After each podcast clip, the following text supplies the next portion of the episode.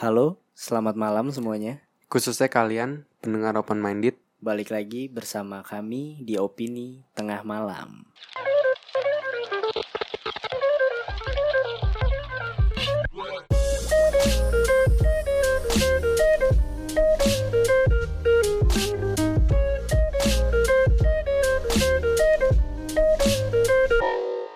Oke, hari ini kayak biasa temanya itu tentang konspirasi Dan ngebahasnya tanpa Faris nih Cuma gua sama Fedrian doang Faris lagi nggak bisa Kita mau ngebahas apa Fed? Kali ini ada kasus pembunuhan dari negeri Korea nih Bim. Korea mana nih? Selatan, selatan. Korea Selatan Nama kasusnya? Which is tuh asik. Males anjing Eh, The Frog Boys. The Frog Boys Case Aneh kan? Kayak anak kodok gitu Iya. Nah tapi kasus ini itu Katanya salah satu kasus yang paling kelam Salah satu kasus yang paling kelam di negara gingseng tersebut Hmm. Negara Korea Selatan Langsung kita mulai kali ya Tanpa basa-basi Kasus anak-anak kodok atau The Frog Boys Case adalah kasus hilangnya lima orang bocah yang 11 tahun kemudian baru ditemukan. Kasus ini merupakan sejarah kelam bagi Korea Selatan dan akan terus diingat oleh seluruh negaranya. 11 tahun, Fed. Nggak keungkap kan? 11 tahun gak keungkap. Itu anak hilang begitu aja. Langsung kita mulai. Tanggal 26 Maret 1991 di kota Daegu, Korea Selatan. Pada hari itu, sedang berlangsung pemilihan umum lokal, membuat seluruh kegiatan diliburkan termasuk juga sekolah. Namanya nih. Ini berat banget. Gue udah latihan nih nyebutin namanya. Ucheul Won 13 tahun. Jo Ho Yeon 12 tahun. Kim Yong Gyu 11 tahun. Park Chan In 10 tahun dan Kim Jong Sik 9 tahun. Gila ngepas ya. Maaf nih kalau salah ya nama-namanya. Mereka menghabiskan liburan dengan mencari dan menangkap kodok di sebuah air terjun di Gunung Waryong. Namun sejak saat itu mereka tak pernah kembali. Setelah dikabarkan menghilang, kasus mereka yang lebih dikenal dengan kasus The Frog Boy Case melesat menjadi trending topik pemberitaan nasional. Presiden saat itu, Roh Tae-wo bahkan memerintahkan hingga 300 ribu personil polisi untuk membantu pencarian dan disiarkan terus-menerus di saluran televisi Korea Selatan. Lalu, donasi dari para dermawan terkumpul hingga 42 juta won atau setara dengan 35 ribu US dollar Berapa pada mas lo? pada masa itu. Berapa tuh? Itu enggak coba. 35 ribu ya 35 350 juta lah ya. 35 kali 10 Bener deh. gak sih? 35 kali 10. Ah, nggak tahu dah. 35 kali 10 itu berapa? 350 Iya. ya? 350 nolnya tambah 3 350 juta lebih berarti ratusan juta hampir setengah M sebagai hadiah bagi siapa pun yang dapat menemukan lima bocah tersebut kalau menurut lu bocahnya ke mana nih sebelum lanjut Kalau menurut gua sih dia tapi daerah situ ya. iya daerah situ dia main-main ya Awalnya sih gua mikirnya dia tersesat gitu loh. Cuma kalau dia rumahnya di daerah situ sih kayak nggak mungkin ya tersesat gitu mah. Udah daerah situ kok tinggalnya. Gue nggak tahu sih rumahnya atau mana cuma sekolahnya Vet yang deket situ Berarti dia udah familiar dikit dong. iya udah familiar lah Berarti harusnya Berarti lu- tersesat gimana? Kayak enggak ya. kalau gue diculik hantu Wis.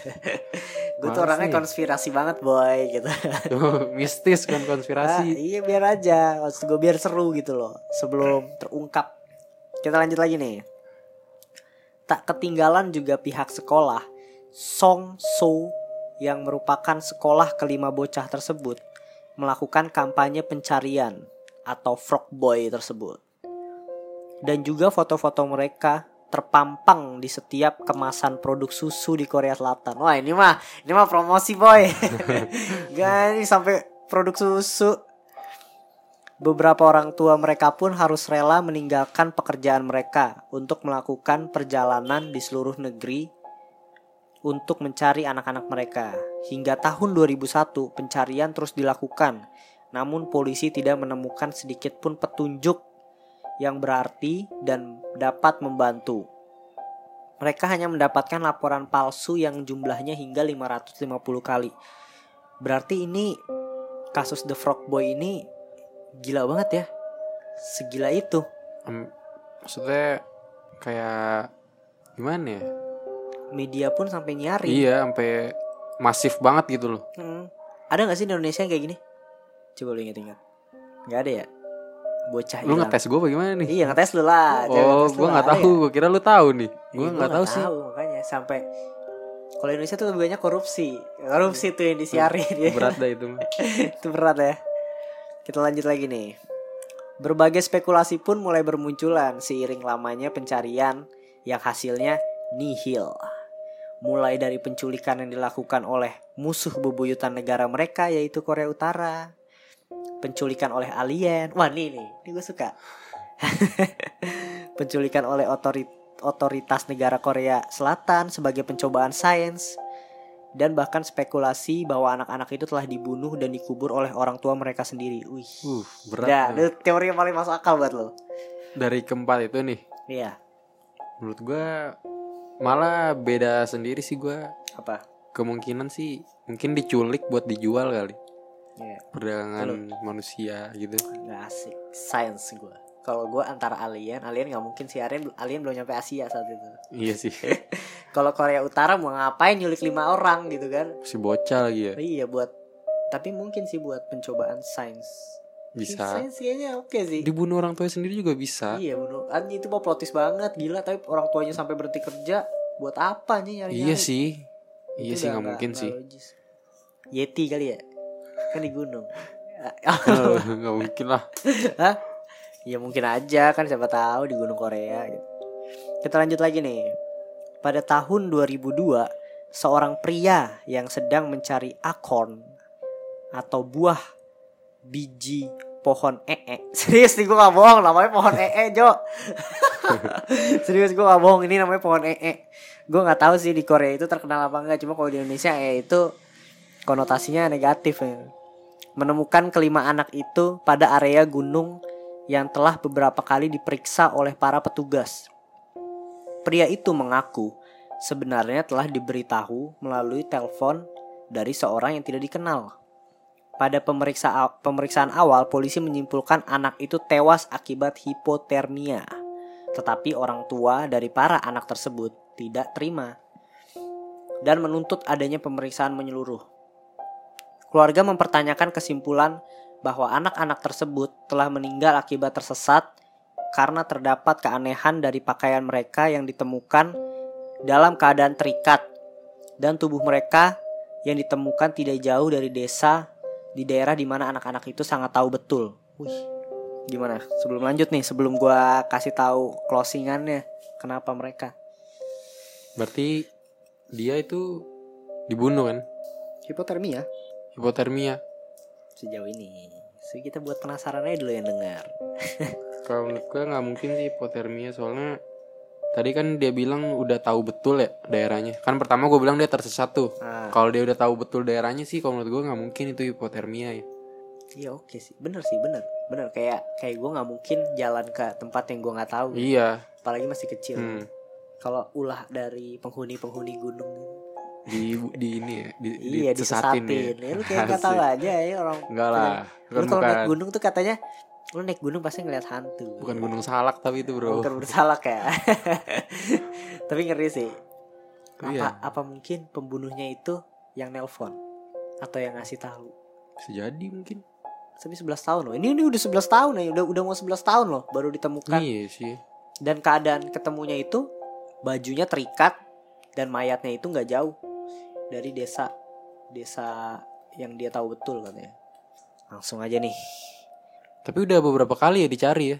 Wah banyak banget itu makanya dia dia tuh udah sering banget lari. Eh, Maksudnya udah, udah berapa kali iya ke kan di daerah itu. situ kan. Heeh.